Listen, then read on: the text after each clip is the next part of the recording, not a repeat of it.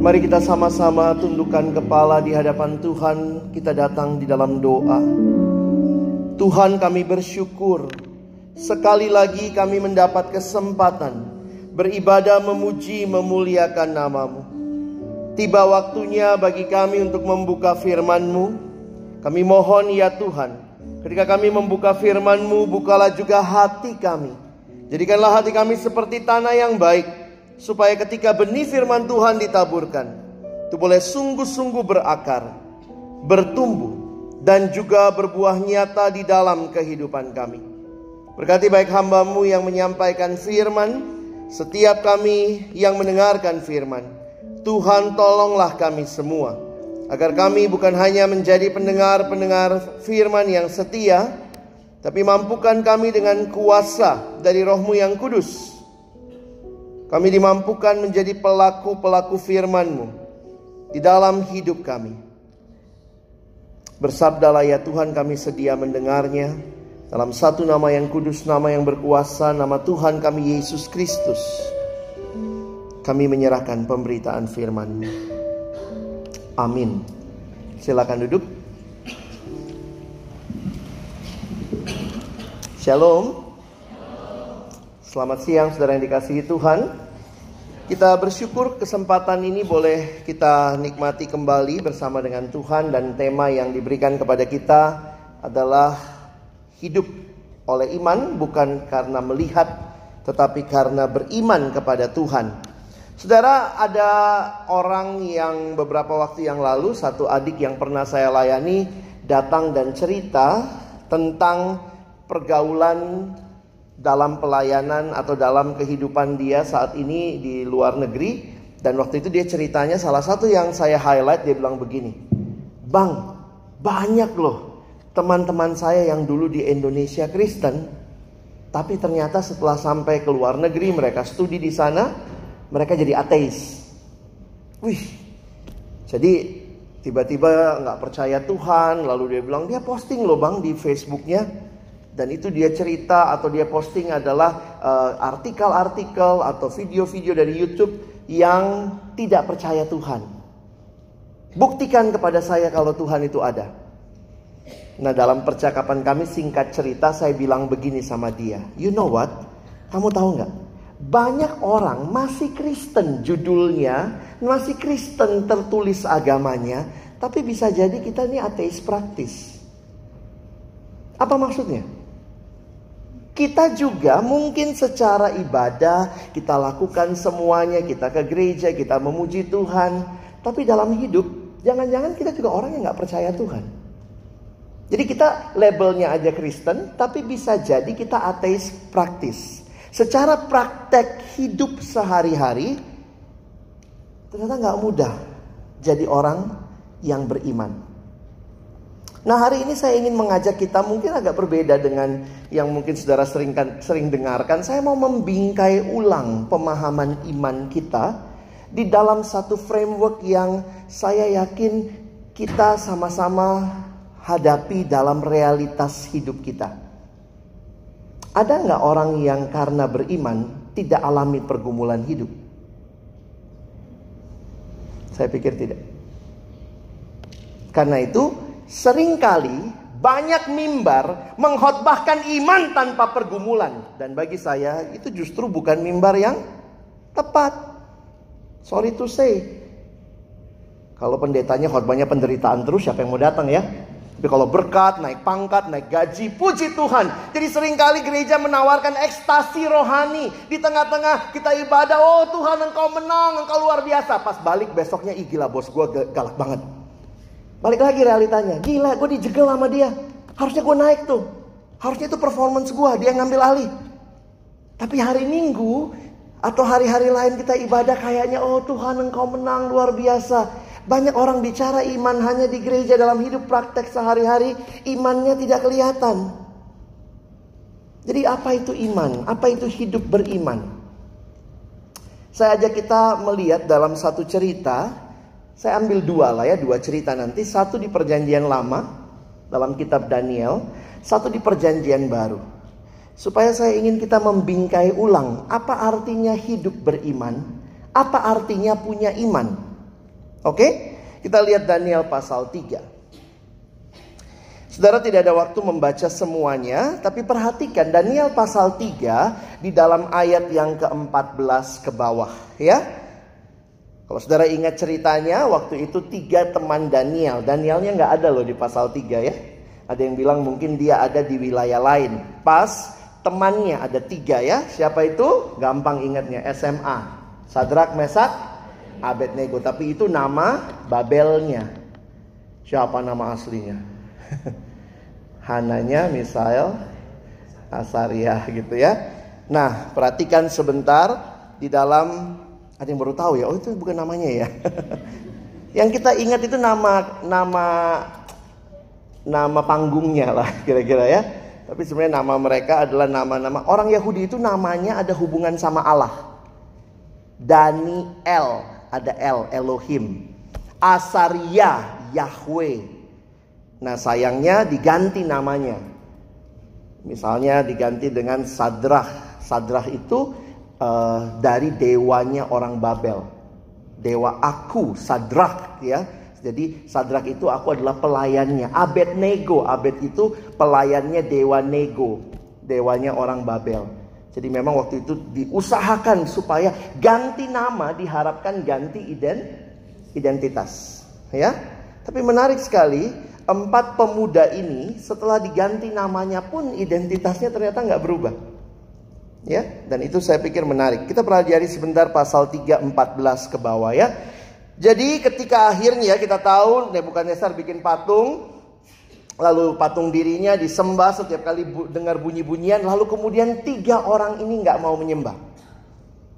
Sadrak Mesak Abednego. Lalu ayat 14 setelah mereka ditangkap begitu rupa, berkatalah Nebukadnezar kepada mereka, "Apakah benar hai Sadrak, Mesak dan Abednego bahwa kamu tidak memuja dewaku dan tidak menyembah patung emas yang kudirikan itu?" Ayat 15. Sekarang jika kamu bersedia demi kamu mendengar bunyi sangkakala, seruling, kecapi, rebab, gambus, serdam, dan berbagai-bagai jenis bunyi-bunyian, sujudlah menyembah patung yang kubuat itu.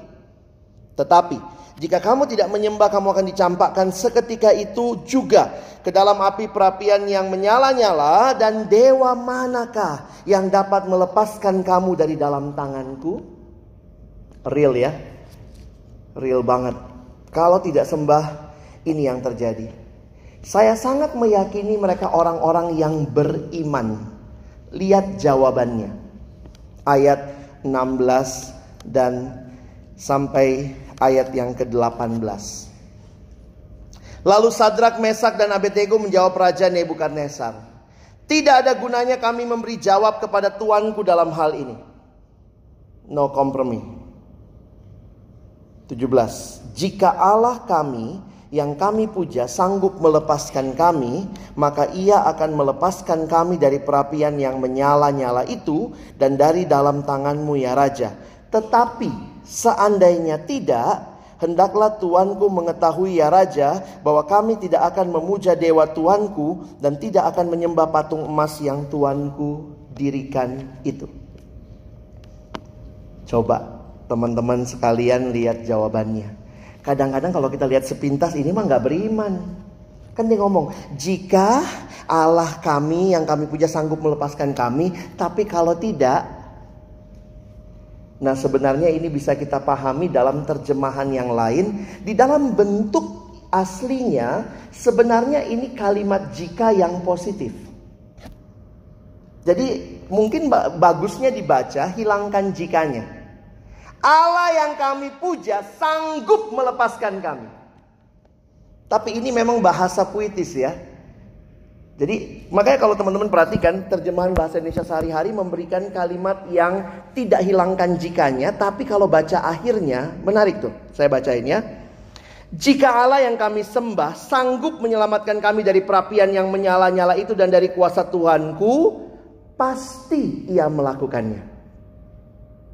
Jadi sebenarnya ketiga orang ini tidak sedang meragukan kekuasaan kemampuan Allah.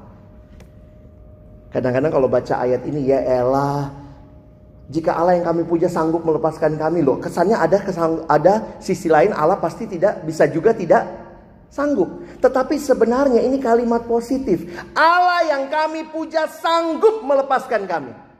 Tapi kalau tidak,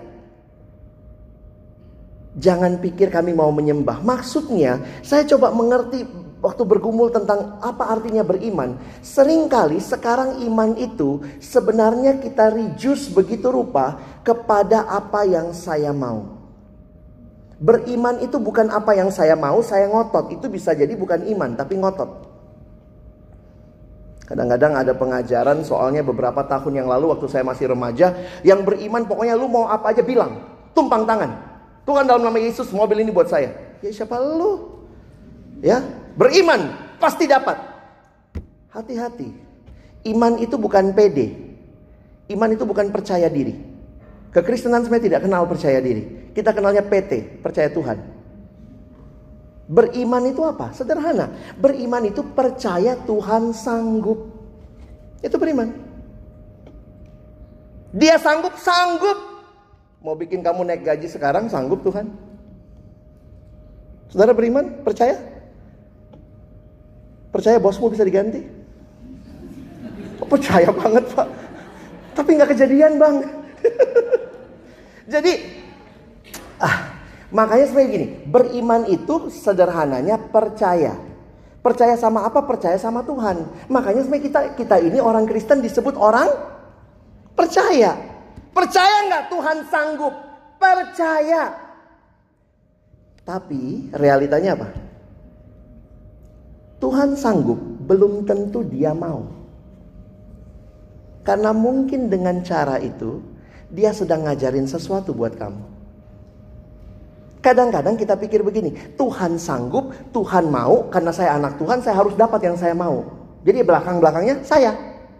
Kalau kalian beriman, kalau saudara beriman, maka saudara tahu Tuhan sanggup sembuhkan kanker mamamu. Tuhan sanggup sembuhkan kanker ponakanmu.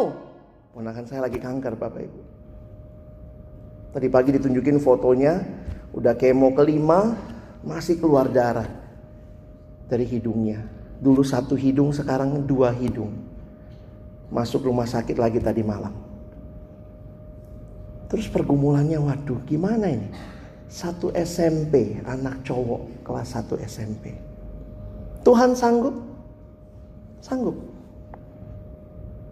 Tapi pertanyaannya, Tuhan mau nggak? Poin saya bukan, jadi bagi saya begini sih, Tuhan sanggup, Tuhan juga mau. Pasti itu ya, tapi pernyataannya apakah itu Tuhan akan berikan sekarang, nanti, atau tidak sama sekali. Itu kan tergantung Tuhan ya. Jadi orang yang beriman bukan bergantung pada imanmu. Makanya hati-hati dengan pengajaran iman yang mengatakan iman itu tergantung apa yang kamu mau. Bukan. Saya mau, Saudara biar, biar kita berdoa kayak apa dalam tanda kutip ya. Saya bukan meniadakan doa, tapi ingat iman itu bukan bergantung kepadamu. Sehingga orang yang beriman berdoa itu nggak maksa, tapi berserah. Saya selalu ingat gimana caranya Tuhan. Dua hal ini gimana dikoneksikan. Berdoa Tuhan bilang cari, ketuk, minta. Ya lakukan aja. Tapi belakangnya Tuhan juga ingatkan, bukan kehendakmu, tapi kehendak kehendakku. Jadi saya pikir orang yang beriman dia akan serius berdoa dan serius membuka diri menerima jawaban Tuhan. Sehingga kalau tidak kejadian seperti yang kita minta, jangan kecewa. Jangan bilang, ah memang kau kurang sanggup lah, gue ke kelenteng aja lah. Kayak dewa yang sana lebih sanggup. Itulah manusia. Kita selalu merasa kayaknya kita mau nguji ini Tuhan ini sanggup beneran gak sih? Makanya perhatikan ayat 18. Kayaknya bagi saya kalimatnya menarik. Tetapi seandainya tidak melepaskan kami. Dia tetap Tuhan yang sanggup. Tetap Tuhan yang mampu. Ini realita beriman kita. Tidak semua yang kita mau, kita minta, Tuhan kasih. Tapi orang beriman itu apa?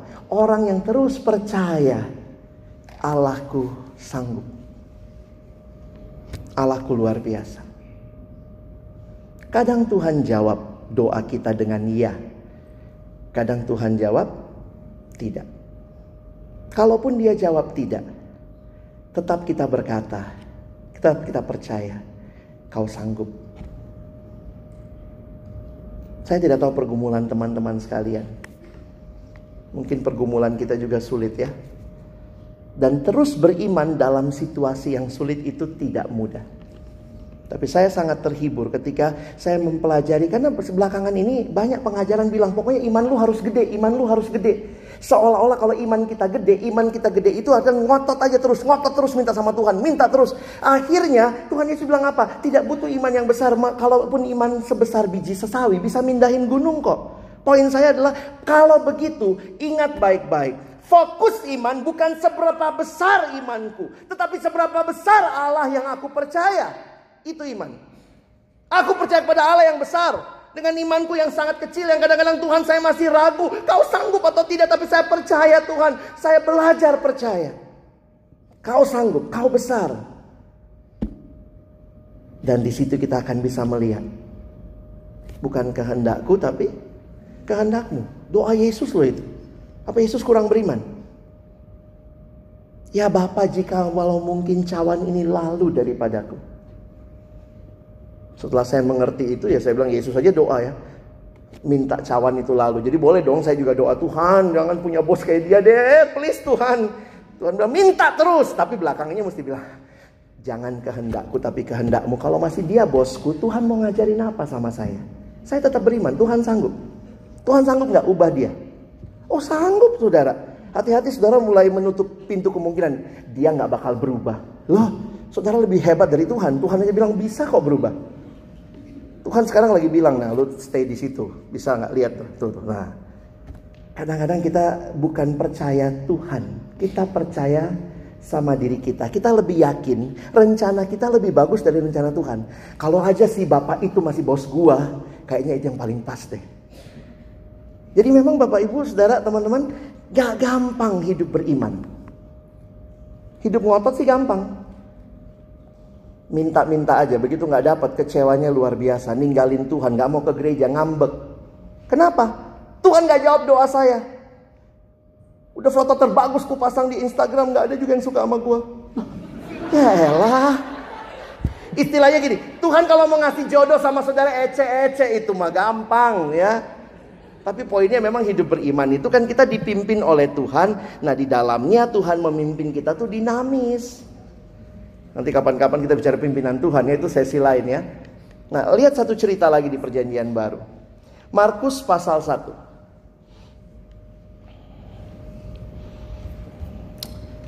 Yesus menyembuhkan orang yang sakit kusta, Markus 1 ayat 40.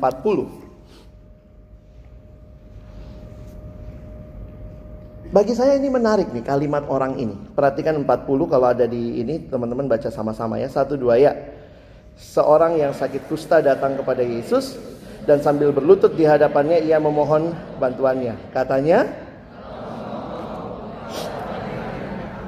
Nah ini iman nih. Saya waktu perhatikan kalimat ini, ini menarik ya seperti Daniel eh, teman-temannya Daniel. Kalau engkau mau, engkau dapat mentahirkan aku. Jadi dia percaya Yesus mampu, sanggup Masalahnya sekarang waktunya atau belum? Makanya kalimatnya ayat 41. Maka tergeraklah hatinya oleh belas kasihan lalu ia mengelurkan tangannya menjama orang itu dan berkata kepadanya, "Aku mau." Pertanyaan saya, apakah semua orang yang sakit waktu itu Yesus sembuhkan? Tidak.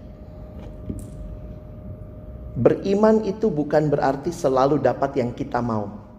Beriman itu berarti percaya yang Tuhan mau, yang terbaik. Kalaupun saya tidak dapat yang saya mau, Dia tetap Tuhan yang baik. Itu beriman, gak gampang. Kita itu kayak anak kecil ngerengek-rengek. Kalau nggak dapat yang kita mau, papa jahat, mama jahat. Kita ke Tuhan begitu. Begitu nggak dapat yang kita mau, marah. Jadi saya coba simpulkan dari tadi cari perkataan yang sederhana tapi saya takut juga jangan salah ngerti harus dengar seluruh khotbahnya ya baru bisa ngerti. Beriman itu berarti berserah kepada Tuhan dan terserah Tuhan. Ya dong? berserah kepada Tuhan. Tapi bukan tergantung yang saya mau, terserah Tuhan. Ini kalau langsung kita bagi terserah Tuhan, kayaknya Tuhan jahat banget gitu ya. Ih terserah Tuhan. Gue udah doa siang malam pakai puasa. Mana pasangan hidup? Kadang-kadang juga Tuhan izinkan kita lewati pergumulan-pergumulan lembah kekelaman. Tapi Tuhan mau kasih tahu aku ada. Jadi kalau teman hidup langsung aja. Tuhan juga kasih kita akal sehat ya, akal sehat untuk berpikir siapa yang tepat. Jadi kalau memang belum ketemu yang tepat, jangan tepat-tepatin. Ya, ada yang datang sama saya, iya dia baik banget begini, tapi beda agama. Hah? Ya elah, apa memang dia jodoh dari Tuhan? Dia udah mau jemput gua kok ke gereja. Jemput loh. Ojek juga bisa masuk gereja. Kadang-kadang kita tuh cari-cari koneksi gitu ya. Ini mungkin kehendak Tuhan, mungkin kehendak Tuhan. Eh Tuhan bilang pakai otak. Otak dikasih sama Tuhan untuk berpikir, bergumul. Beriman itu percaya kepada Tuhan. Tapi kalau nggak dia, kayaknya selama ini kalau nggak dia yang bakal sama saya dia ini kayak orang terakhir nih yang datang ke gua nih. Habis ini udah nggak ada lagi. Ya elah, lu beriman kagak. Ini ateis praktis. Nggak yakin. Kalau masih dia bos gue, gue gak yakin Tuhan baik sama gue. Ya elah. Saya ketemu banyak orang yang kecewa sama Tuhan. Di gereja bisa nyanyi tuh. Allah itu baik, sungguh baik bagiku. Tapi keluar. Praktis lagi ateisnya. Tuhan kayaknya gak baik sama gue. Lu beriman atau main-main sama iman lu? Dan saya bersyukur justru sering kali ketika pergumulan hidup ada. Itu makin membuat kita sadar. Kita percayanya sama siapa? Kalau ada obat, ada juga yang itu ya, nyesel-nyesel habis keluarganya meninggal. Coba gue kerjaannya lebih bagus, duit gue lebih banyak, nyokap gue nggak meninggal, gue bawa ke Penang, gue bawa. Ya elah, kadang-kadang nggak mudah teman-teman. Tapi Tuhan mau belajar ajar kita percaya. Beriman berarti Tuhan mampu. Beriman berarti saya berserah kepada Dia. Beriman berarti terserah kepada Tuhan. Kalaupun saya belum bisa lihat seluruh rencananya, Dia tetap Tuhan yang mampu, Tuhan yang sanggup, Tuhan yang baik. Hidup beriman itu berikan kita ketenangan, bukan komplain terus. Meskipun situasi tidak berubah, tapi Tuhan berikan perubahan di hati kita yang terus percaya Dia baik. Kadang-kadang gitu ya, saya ingat uh, ada satu ilustrasi misalnya uh, kayak bawa anak kecil vaksin. Mungkin bayangkan anak kecil vaksin gitu ya, anggaplah dia umur 2-3 tahun udah kenal mamanya, terus mamanya kasih dia ke perawat. Anak itu ngeliatin mamanya nunggu, lalu dokter datang bawa jarum. Terus suntik gitu, sambil dia teriak, "Mama, mama!" Dokternya suntik dengan indahnya. Perawatnya pegang tangannya. Kesimpulan anak itu, mama gua nonton. Mama gue tega lu jadi mama. Udah gitu pulangnya mama gue kasih duit lagi sama tuh dokter. Tega banget nih mama ngasih duit lagi sama yang menyakiti gue. Pulang ke rumah gak mau ngomong sama mamanya. Mandang tempat lain. Mama jahat. Pas mau makan sih minta juga ya. Tapi ketika dia bertumbuh besar dia tahu itu terjadi. Bukan karena mamanya jahat sama dia. Itu cara mamanya untuk memberikan yang terbaik buat anaknya. Saudara ketika engkau belum bisa lihat the whole, seluruh rencana Tuhan. Yakinkah engkau dia tetap Tuhan yang baik? Hidup beriman tetap percaya. Dan waktu melewati itu kadang-kadang kita menangis. Kenapa Tuhan? Kenapa? Tapi keyakinan terus belajar. Saya tidak tahu apa yang ada di depan, tapi saya mau percaya Engkau baik. Saya mau belajar melihat. Satu waktu saya datang ke seorang teman, adik teman yang sudah terminal, maksudnya mau menjelang meninggal, kakaknya telepon, "Bang, bisa tolong layani adik saya, pastikan keselamatannya." Saya datang ke rumah sakit lalu saya bilang sama dia memang udah sulit ya napas sudah tersengal-sengal, sudah terengah-engah begitu, udah pakai alat bantu segala macam tapi masih sadar. Terus saya bilang sama dia, kamu percaya Tuhan baik? Percaya bang. Saya bilang Tuhan gampang kasih kesembuhan. Tuhan bisa kasih kesembuhan kamu sekarang, itu berarti kau kembali lagi ke gereja, dia pelatih kor ya. Kau bisa pimpin kor lagi. Percaya itu? Percaya. Tapi Tuhan juga bisa kasih kesembuhan yang selamanya. Sembuh, tidak ada lagi rasa sakit. Kembali sama Tuhan. Percaya? Saya juga bingung dari mana saya bisa ngomong begitu ya. Orang mau mati kok bilang lo percaya mati loh. Cuma ya Tuhan kasih kekuatan untuk saya belajar. Saya saya bicara dengan pemahaman yang saya harap dia bisa mengerti ya. Kamu Tuhan sanggup loh sembuhkan kamu. Tapi kalau kamu tidak sembuh di sini, kamu sembuh di sana. Yakin Tuhan baik? Yang paling penting kan bukan sembuhnya, tapi bersama siapa? Itu iman. Hati-hati kita dapat semua yang kita mau, tapi kita sedang tidak bersama Tuhan. Sehingga ketika kita punya anggota keluarga yang bergumul, ingatkan mereka. Tuhan ada, Tuhan baik, Tuhan sanggup. Dan buat kita juga yang merawat, menemani, Tuhan sanggup. Tuhan bisa langsung bikin dia berdiri kalau memang mau. Tapi kalau bukan, belum saatnya Tuhan sanggup juga memberikan hal lain. Mungkin buat kita yang merawat. Kiranya ini menolong kita. Belajar beriman. Percaya, berserah, tapi tetap terserah Tuhan. Kenapa? Dia tahu yang terbaik. Amin. Mari kita berdoa. Tuhan terima kasih buat firman-Mu. Mungkin tidak mudah bagi kami untuk mengerti realita ini. Tapi seperti Daniel, teman-teman Daniel yang terus berkata, Allahku sanggup, Allahku mampu. Dan pergumulan mereka harus ada. Masuk dapur perapian tidak mudah. Dapurnya menyala-nyala. Tapi di situ Tuhan sanggup memberikan pertolongan. Tuhan terima kasih. Kami terus belajar percaya, berserah. Ampuni kami yang lebih sering percaya diri. Percaya fasilitas. Percaya hal-hal yang lain. Lupa percaya Tuhan. Beriman berarti percaya kepada Tuhan melewati pergumulan hidup. Tuhan tolong Alkitab berkata iman timbul dari pendengaran, pendengaran akan firman Tuhan. Kalau kami mau terus beriman, terus percaya, tolong kami rajin setia baca, renungkan firman-Mu, dengar firman-Mu. Supaya kami makin mengerti jalan-jalan-Mu. Terima kasih Tuhan, tolong kami bukan cuma jadi pendengar, tolong kami jadi pelaku firman-Mu dalam nama Yesus. Amin.